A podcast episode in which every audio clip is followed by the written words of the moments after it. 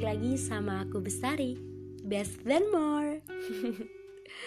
Pasti kalian bingung ya kenapa aku ada kata-kata best than more. Jadi sedikit cerita ya. Aku dapat kata-kata itu dari teman yang nyemangatin aku Terus ada kata-katanya best than more. Jadi kayaknya bagus banget gitu. Meskipun tadi awal aku bilang ada medok-medoknya Ada kata-kata bahasa Inggris tapi ada aksen Indonesianya banget gitu. Dan aku mau terima kasih sama teman-teman yang udah senantiasa dengerin podcast episode pertama dan episode yang kedua ini.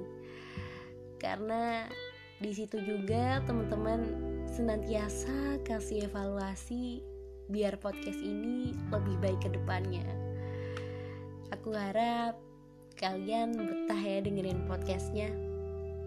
Gimana kabar teman-teman semua? Semoga kalian baik-baik ya. Pokoknya have a nice day. Di episode 2 ini aku akan bahas tentang quarter life crisis. Pasti kalian juga lagi di fase itu mungkin atau malah asing sama kata-katanya. Jadi sedikit cerita, aku kemarin sepedaan sama temen aku. Jadi kita mengayuh sepeda, di situ kita istirahat dan duduk. Dan pada saat itu kita membahas tentang kehidupan masing-masing.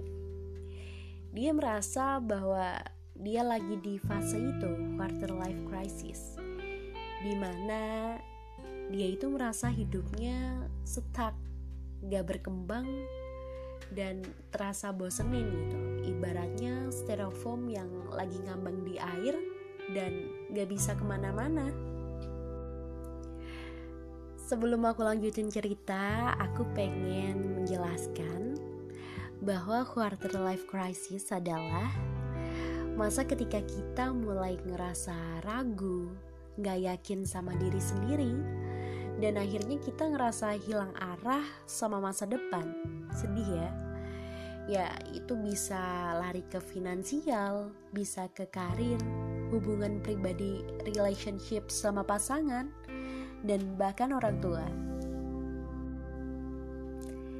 Setelah aku simpulin ada nih ciri-ciri orang yang lagi fase quarter life crisis.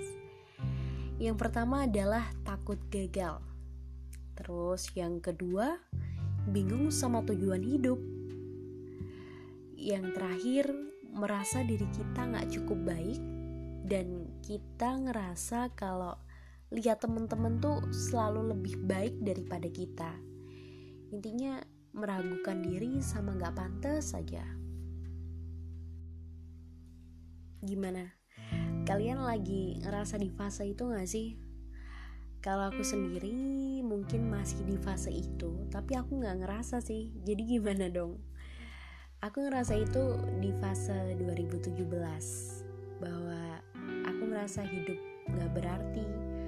Nanyain hal untuk apa sih hidup? Karena aku tuh nggak ada tujuan gitu. Teman-temanku pada lurus saja, sedangkan aku tuh masih stuck juga. Dan ibaratnya kalau kata pepatah ya, kita harus hidup lebih baik daripada hari kemarin. Dan aku mikir bahwa kemarin aja kita hidupnya stuck, masa hari ini harus lebih baik lagi? Lebih baik dari mana kalau dipertanyakan? Kan ngambang banget, gantung gitu. Kalau dipikir-pikir, kenapa sih kita ngalamin hal ini? Poin yang pertama adalah awalnya tuh gak mikirin apa-apa, gak ada kepinginan dalam hidup. Terus ternyata baru ngerasa hal itu tuh harus dipikirin, itu penting.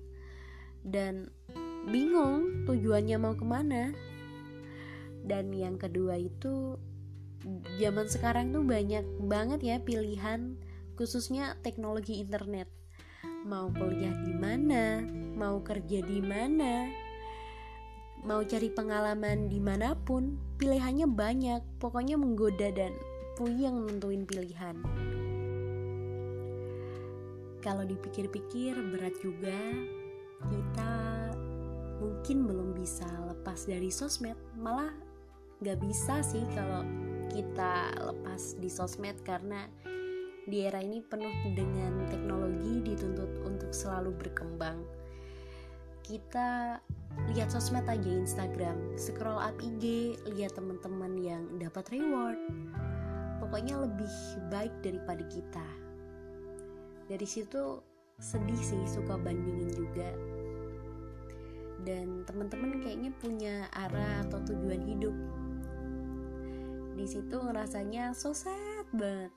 Dan aku cerita ke teman, dia bilang, hidup itu proses jadi nikmatin aja dulu fasenya. Itu namanya Mas Hari yang bilang itu. Ya aku lakuin sih cuma agak berat. Tapi dari situ aku bisa maknain kata-kata itu.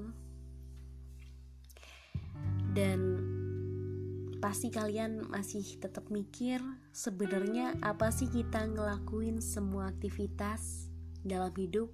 Buat apa? Jadi semua itu proses pelan-pelan update kualitas diri.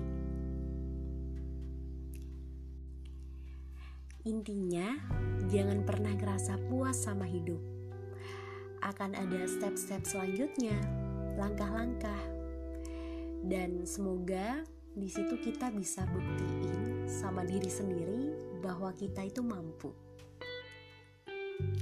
Wah, itu dulu ya pembahasan kita di episode 2 Quarter Life Crisis di Best Landmark. Untuk teman-teman, jangan pernah ya ngerasa ngedown karena itu nggak baik buat diri kita sendiri. Itu dulu pembahasan kita. See you, bye.